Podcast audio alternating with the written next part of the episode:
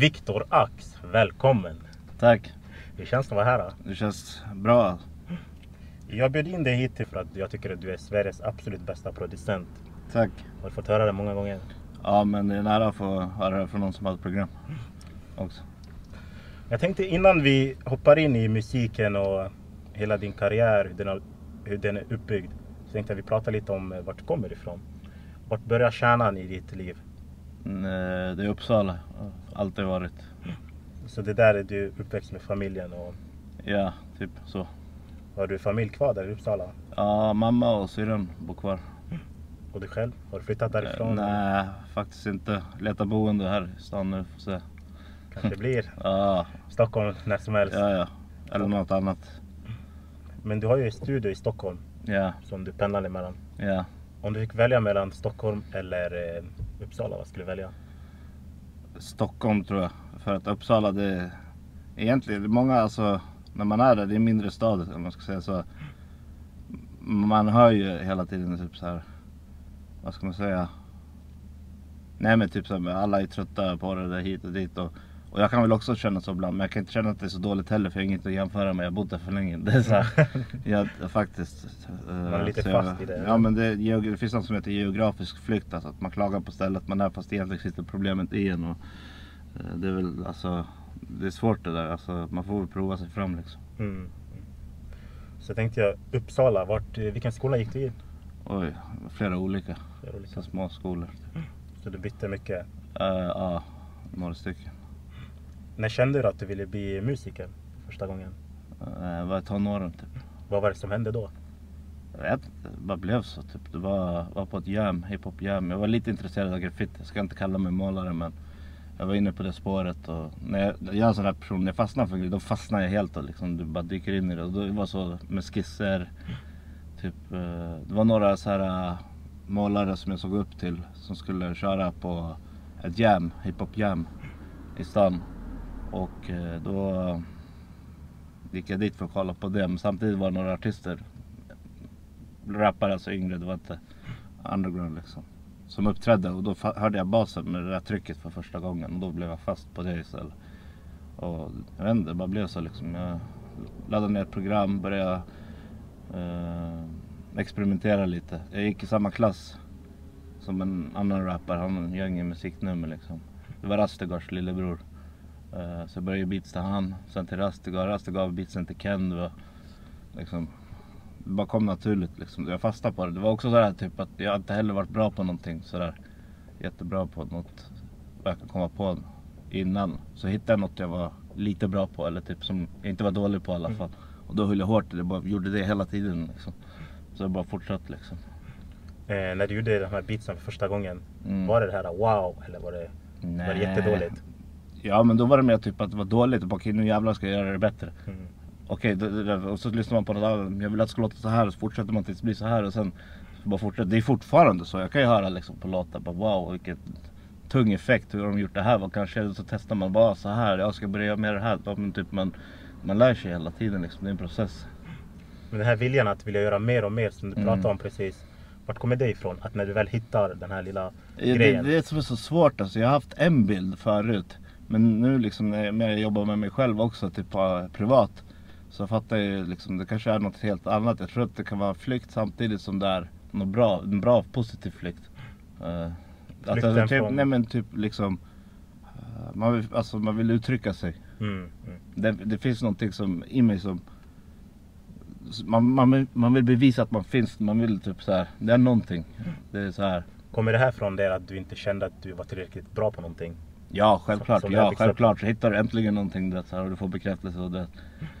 Det är liksom någonting. Jag tror det är det så. Faktiskt. Umgänget då, vad tyckte du om um, när du hittade musiken?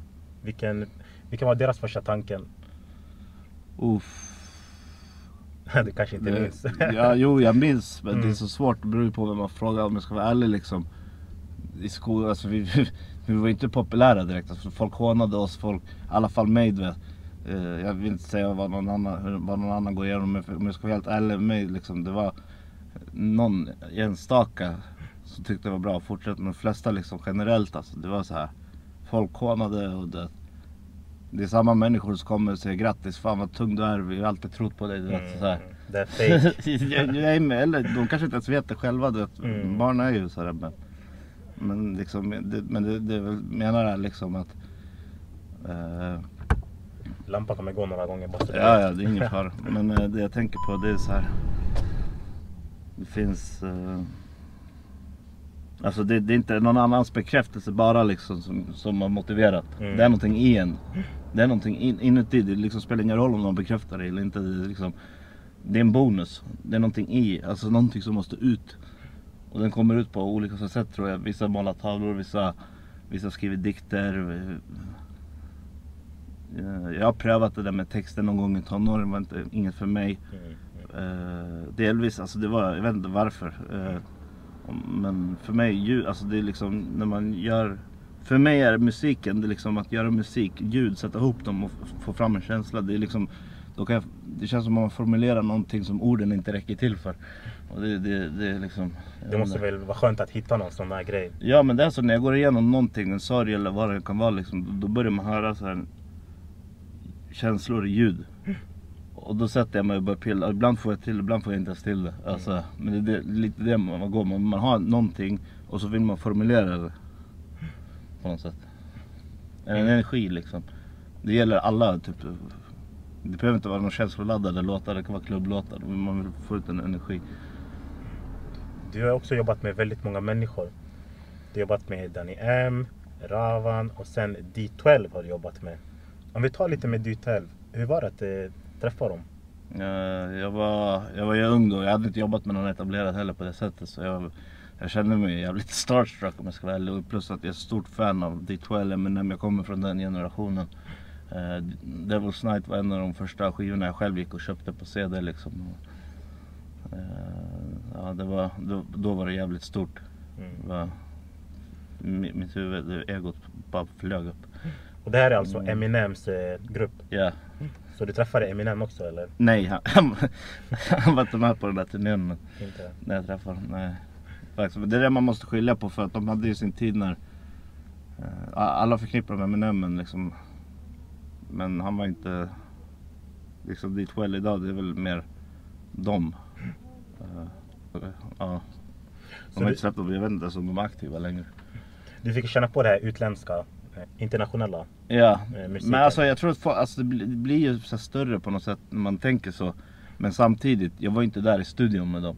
Jag, jag träffade dem på en turné men sen så har vi skickat filer och sådär. Eh, jag har inte haft så här jättemycket kontakt med de andra, mest med Bizarre och du vet sådär. Så att, eh, jag vet inte. Eh, ja, alltså det, det, är inte så här att jag left Hollywood-livet i USA. Nej, det, det har inte hänt liksom. Allt har bara skett från liksom de 12 låtarna framförallt var ju min hemmastudio. Jag hade inte ens en riktig studio då. Ju- Jag satt i min lägenhet. Så, så har jag gjort större delen. Det var ju 2012 jag hade en studio för första gången i en lokal liksom. Har du jobbat med några andra utländska stora artister? Ja, det beror på vad man menar med jobba. Mm. Alltså ingen av dem där faktiskt. Det är, det är inte som när jag jobbar med artister här i Sverige. Man blir polare, man hänger, man går in i studion. Men sen så har vi, men säg till exempel Ken tog med Mavado på en låt. Mm. Då har ju jag tekniskt sett producerat Mavado. Men jag har aldrig pratat med honom samtalat så egentligen har jag inte det. Men han har ändå spottat på mina beats. Mm. Så att det blir en tolkningsfråga liksom. Och Saigon och Sean Price har också spelat in på mina beats. Men jag har inte träffat eller haft kontakt med dem. Det är ändå stort att de har spelat på dina beats. Om man ser det så, ja, ja, ja visst. Mm. Om vi tar det tillbaka lite till Sverige då. Du jobbar ju på ett väldigt speciellt sätt. Du försöker hitta de här talangerna mer än de här etablerade eh, artisterna. Ja. Hur, hur är dina tankar kring det? Alltså det är inte så att jag tänker typ uh, välja bort etablerade för oetablerade. Men det kan vara kul att jobba med etablerade. Nej, alltså oetablerade för det liksom känns mer du vet, eh, vad ska man kalla det? Känns det som att du hjälper dem mer på vägen upp? Det känns så fel att hjälpa för vi hjälper varandra. Alltså, Men det är mer utmaning. Och plus att det, om det går bra för en oetablerad artist som inte har någonting och sen så typ så gör vi något tillsammans och det går bra. Mm. Det blir mer kvitto på att äh, det vi har gjort ett bra jobb. För en etablerad artist, det spelar ingen roll hur det låter egentligen, de kommer ändå streama liksom. Mm, så, här. Eller okej, in- inte spelar det ingen roll men du fattar jag menar. Det, Mm. Av de här oetablerade, vem har varit den absolut talangfullaste du har jobbat med? Det är jättesvårt att säga. Det, det, ibland så kommer det in så här i studion som har värsta talangen men de är kanske inte så bra artister för de har inte motivationen att fortsätta. Mm. Och så släpps inte ens låten liksom. Det finns hur mycket grymma alltså, talanger som helst. Men en grym talang betyder oftast inte att det är en grym artist. Mm. Ehm, du har hjälpt väldigt många upp eftersom du jobbar med de här talangerna. Du producerar mycket musik till dem. Vem har hjälpt dig upp på vägen upp? Alla jag jobbat med. Mm. I princip. Alltså. Det finns olika, men alltså artist, alla artister. Så det är bara artister eller finns det något utanför musiken som också hjälpt dig? Ja, det är klart. Alla hjälper ju varandra som man har att göra med egentligen. Mm. På ett sätt och vis. När du jobbar med de här artisterna då, och du producerar de här beatsen till dem. När känner du wow det här kommer, bra, kommer vara en bra beat? Det är någonting, alltså.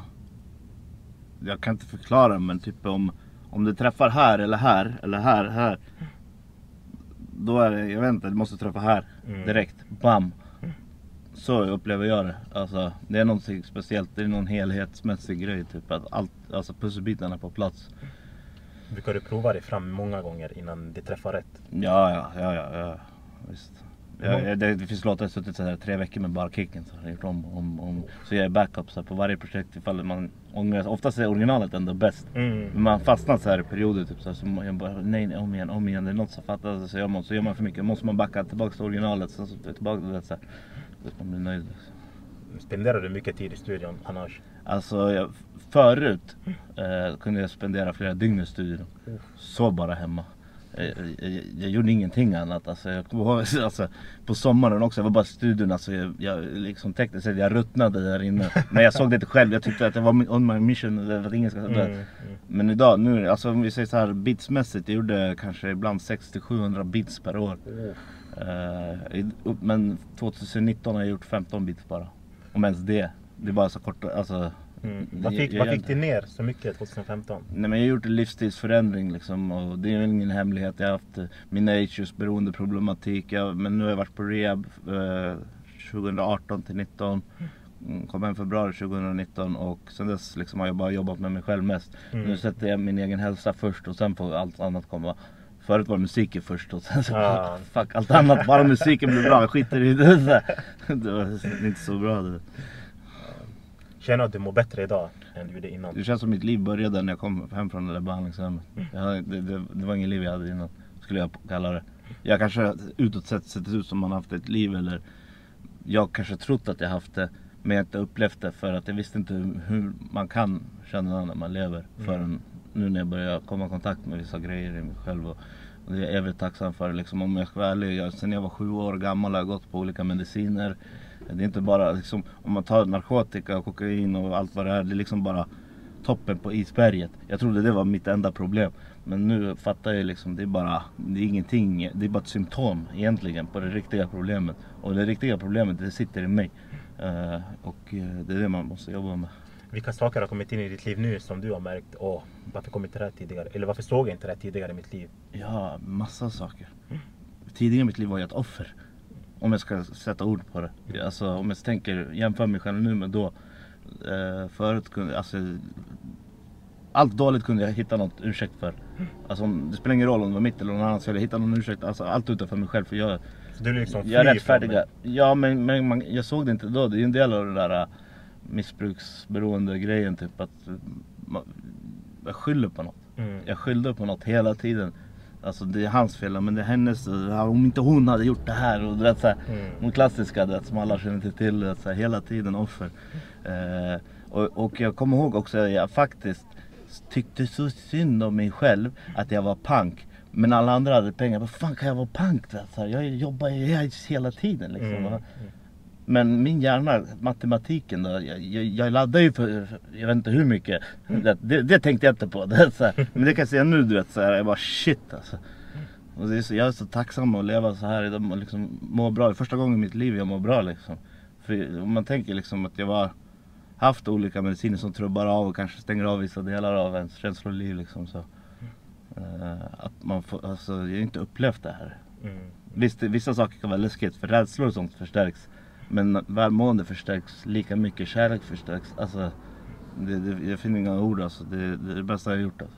När du pratar om mediciner, Mm. är det bara de här... uh, Har du slutat med alla mediciner? Eller är det något... Ja, alla typ. Alla sinnesförändrande. Det måste ju ändå vara skönt. Det, är liksom, grejen är att eh, alltså, det finns många olika dimensioner att se på en situation. Den kan ju delas upp i massa typ. Och ifrån att bara sätta allt negativt. Mm. Alltså, jag är inte naiv, jag ser inte allt positivt. Jag försöker ha en balans och se allt i gråzonen. Och gråzonen är svår att hitta. Alltså, men alltså om man verkligen ska liksom gå in på hur det kan vara liksom. Det är ju skammen som drivit den här musikgrejen också. Typ. Man skammen, man motiverar, man vill bevisa. Vet. Man vet inte ens vad det är man vill bevisa, man vill bara vi- visa någonting. du vet, Mm. Så. Eh, och man vill bara sätta något fotspår, man vill bara, jag vet inte vad det är. Men jag är helt, nästan helt säker på att det kan vara skammen för eh, skam det, det, allt det andra dåliga är på grund av skammen. Typ. Mm. Man, man känner sig, jag kan, jag kan sitta så här eh, med eh, mina bästa vänner, jag känner mig ändå utanför, jag vet inte vad det är. Och eh, nej men det är bara känsla och man känner inte, man tänker inte på det då. Mm. Man bara tänker bara med, till exempel jag kunde vara på en nyårsfest. Sen bara säger jag ingenting. Jag säger bara jag ska bara ta en cigg. Så bara hoppar in i en taxi och åker till studion och sitter där själv. Alltså det var skitofta. Att jag varit där på julafton när jag fyller år liksom. Och bara inte varit med familjen, bara suttit i studion liksom. Och så, det, det är inte bra. Jag kunde inte sätta fingret på varför. Mm. Det var något som, och det är liksom, det, är- det är liksom som en flykt då från den här eh, inre demonen eller vad man ska kalla det. Och grejen om man kollar då sen på det här att vad som faktiskt har hänt. Det är liksom att om det finns svart här och vitt här i olika beteenden, bra och dåligt. Så här, det är liksom det är det jag fortfarande ser, liksom, jag vill in i en gråzon. Det vill ju alla människor. En frisk människa lever i en gråzon, liksom balans. Och den balansen, den är, det är den man måste jobba för att hitta liksom. Det är inte bara om man ska snacka Och heta där grejer. finns välmående, arbete. Nej, det där är sidovinster. Vad finns det i gråzonen? Det vet jag inte. Det är det som är problemet. Om, om vi är uppväxta på olika sätt så här, men alltså om vi bär mycket skam då finns det ingenting där. Det är tomt, det finns inte. Det är därför vi har skam. Vi, vi, vi, det är något undermedvetet, alltså i en annan dimension så existerar vi inte. Eh, och uh, Ja, heavy shit. det är ju så. Alltså det, en frisk människa är i samhörighet med andra. Mm. Mm. Men är sjuk typ. Den känner att det inte finns, då börjar den utveckla levnadsstrategier. Som ADHD eller vad. Har du alltid känt dig så här? Ja alltså det är alltid Under hela ditt liv alltså? det, det, Jag menar inte kunna sätta fingret på det men nu Mm. börjar jag fatta det. där. Det är det som är så fett när man tillfrisknar, att man pusselbitar börjar ramla på, sitta på plats. Blir du besviken att du kom på det nu eller fattar det nu? Nej jag eller? tror att det finns mening med allt. Mm. På vilket Nej. sätt? Jag vet inte, men jag får ju bevisat hela tiden. Mm. Alltså, livet är, livet är för komplicerat för att förstå ibland. Men om man tänker efter. Den där dåliga händelsen som jag tyckte så synd om mig själv för ett tag sedan kanske ledde till den bästa händelsen idag. Mm. Om, om allt hade varit som man själv förväntat sig. Alltså, det hade varit långtråkigt. Alltså. Det hade varit helt så här. Fan, hemskt. Som tv-spel med fusk. Och sen så släppte du en ny album för ett tag sedan. Ja, ja, precis. Det albumet eh, släpptes. eh, Ja, exakt. Mm. Som heter Eple- Epilepsil. Ja, epilepsi. Innan det så hade du också en svår tid eh, i livet. Mycket hände innan du släppte den här skivan. Ja, Mm. Skulle du kunna berätta för oss vad var det som hände riktigt innan? Uff, ja, en massa... Mm, Ja, alltså den där sommaren, alltså innan, grejen när jag gjorde den här skivan. Det var ju den där perioden. Sen så var jag på rehab. Sen när jag kom ut, Hur, hur länge var rehaben? det var bara tre månader Tre primär. månader. Ja, på Korpberget. Var det en tuff rehab? Alltså det var innehållsrik skulle jag kalla det. Alltså det är Korpberget liksom, de säger ju att det är Nordens hårdaste behandlingshem och allt det där. Men jag skulle säga att det är det mest innehållsrika behandlingshemmet. Det är inte att du bara sitter där och softar och sen kommer ut och gör samma sak igen. Mm. Utan det är liksom dygnet runt behandling. Så de har gjort ett bra jobb alltså. Ja, ja visst. Men det, det där det är ingenting, det är mest utbildning. Jobbet börjar ju när man kommer hem sen. Ja. Så, Var det tufft när du kom ut att fortsätta på egen hand eller var det lätt? Nej, nej inte, inte på det sättet att det är... Så leva sådär som man har levt förut. Alltså det är Mm. tufft. Det är, alltså det, det, det är bara destruktivt. Om någonting är tufft idag då är det inte destruktivt i alla fall. Det, är liksom, det finns två smärtor. En är ful och äcklig eh, och den sjuk. Men så finns det en vacker smärta. Sorg är en vacker smärta. Den ska finnas där. Den är en resa. Alltså, Under den här tiden du gjorde skivan, grät du mycket? nej, jag vet inte. Nej. För du säger att sorg är en fin... Ja men jo, jo visst. Men, eh, alltså min, min, mina sorgprocesser börjar ju mer när jag kommer tillbaka i fall. Mm. Jag en sund sorgprocess. Inte destruktivt, att man använder något för att rättfärdiga något, sitt beteende. Jag skulle kunna berätta mer om vad som hände den här sommaren. Du Det var massa grejer. Jag träffade en tjej och eh, hade en relation som vi inte borde haft. Den var, ja, jag ska inte prata mer om det men sen så pappa, min pappa gick bort snabbt, hastigt sådär. Eh, Hur har det påverkat dig? Det har förändrat alltså allt. Det, det är så liksom. Det, det, det känner nog alla som förlor- förlorar sina föräldrar liksom. Så här. Men, Hur men jag vet, alltså man får ju nya insikter efter oftast. Mm. Ja men det är fina insikter. Det är så här. Vil- Vilka insikter har du fått? Från... Nej men typ att han hade rätt mycket mer än vad jag trodde där förut. Mm. Det är ju så. Han hade rätt. Alltså han, allt han har lärt mig, han, alltså, han, var, han var mycket bättre än vad man fattade då. Mm. Det är så. Alltså, det kan nog alla känna igen sig. Och sen så, nu till, till albumet då. Ja. Du skapar det här äh, albumet. Vilken låt tycker du har beskrivit det du har gått igenom mest under det här albumet? Mm. Det, det, det är Kens låt. Kens låt. Den handlar ju om min uppväxt. också. Det var hans idé. Eh, och det var fint. Sen så Requiem för pappa också. Den gjorde jag dagen efter han dog typ, eller natten. Så lite sådana grejer. Hur lång tid tog det att göra det här albumet? Alltså jag vet alltså låtarna samlar mig på sig. Det kan ju vara Men alltså jag färdigställde det då den sommaren innan. Mm. Mm. Och det här var ju första gången du medverkade i en, eh, i en album. Eller låtarna då? Mm, Nej, alltså jag Det gjorde amerikanska också Mm. för länge sedan. Sen uh, uh, de där tre äpplena. För du, är, Mm. eh, du beskriver dig själv som en producent och inte Ja, en sångare. Nej. Varför skiljer de på de sakerna? Alltså det är väl mer typ att eh, om, jag, om jag gör ett album i mitt namn då är det typ har jag full, alltså, full kontroll och typ välja låtarna och typ helheten och det så här, sista ordet och bla bla bla bla. Eh, och det är mer en rolig grej. Alla de här, alla släpp under Victor Ax det är en rolig grej på ett sätt. För att mitt jobb är egentligen att göra andra artister. Så, men samtidigt så är det väldigt seriöst för mig för att det blir personligt. Mm. När jag väl får chansen att välja, okej men då vill jag göra, alltså typ, det, det är kreativ grej typ att välja låtordning, sätta ihop låtar och du vet, Det är lika kreativt som att göra en bit, om inte ännu mer kreativt liksom. Att få en helhet på ett album. Jag tycker det är kul, det är mest att, att det är kul alltså. Mm. Så därför väljer du inte att själv medverka i låtarna? Nej det men jag, jag rappar ju inte, sjunger inte, skriver inte texter liksom så. så. När du gör de här beatsen, har du oftast ett, ett bestämt eh, tema du vill eh, rätta dig efter? Nej, alltså det kan hända typ. Mm. Det kan hända att artist- artister kommer med en så här uh, annan bit också, kan vi göra något liknande det här. Eller att jag vill göra om det här. Men det kan också, eller så sitter jag bara i beats själv. Mm. Visar upp och de väljer att skriva på det.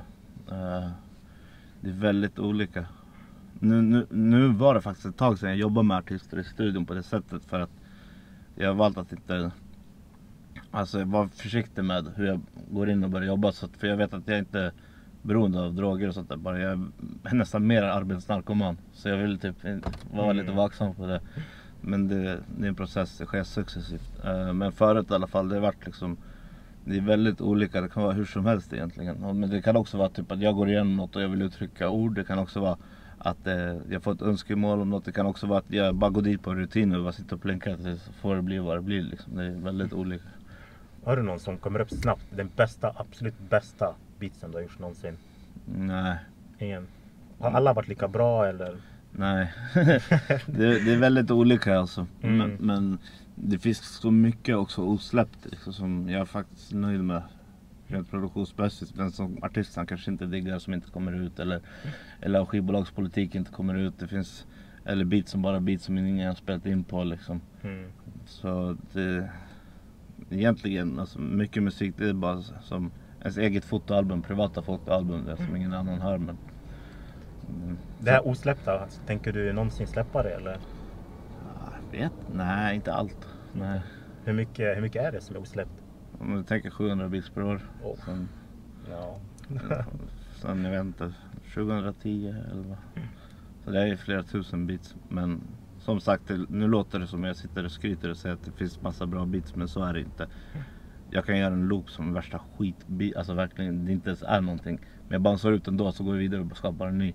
Jag brukar ha, ha så för på rutin att jag skriver eh, årtalet och sen ett nummer Mm. för att ha koll på ordningen. Eh, och många antalet. Så gör jag något, men så så fort det stannar då bouncear jag ut och sparar oavsett vad jag tycker. För jag vet att vissa saker jag tycker är skräp kan vara skitfett. Vissa saker jag tycker är skitfett i stunden kan vara skräp. Så jag bouncear ut och börjar på en ny bara hela tiden för att inte tappa flödet. Mm. Eh, När du började med musiken, när började du tjäna pengar? Det är en process, det beror på vad man menar. Man tjänar pengar alltså, som man överlever eller som man bara får lite. Mm. Eh. Så man överlever, när var det första man gången? överlever, ja men det var väl Alltså jag, börj, alltså jag överlevde inte 2012 helt på musiken. Mm. Eh, men då började det hända grejer, jag började samarbeta med fler rappare och Eh, men det är väl, vad kan det, det är ju inte några år sedan typ, skulle jag säga. Typ att ja, man får det att gå runt. Och så, så jag tjänar inte kanske lika bra som många andra musiker. Alltså, jag vet inte, alltså, det, jag får det att gå runt men jag tjänar inte, jag är inte rik liksom. Mm. Eh, Jag får det precis att gå runt som ett vanligt jobb. Om ens det. Mm. Jag har typ inga andra frågor. Är det de eller? Mm. Ja, grymt. Hur kändes det? Det känns bra.